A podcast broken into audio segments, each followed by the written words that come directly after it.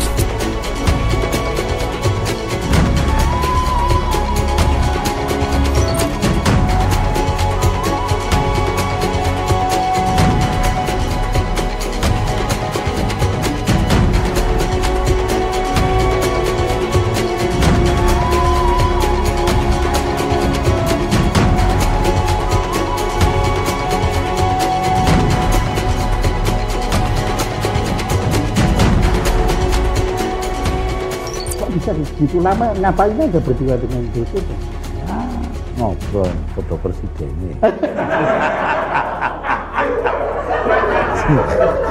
Saya ceritain kepada Bill Clinton ya di belakang meja tulisnya itu meja tulis presiden tuh di tembok ada apa itu namanya bolongan kecil gitu. Oh, iya?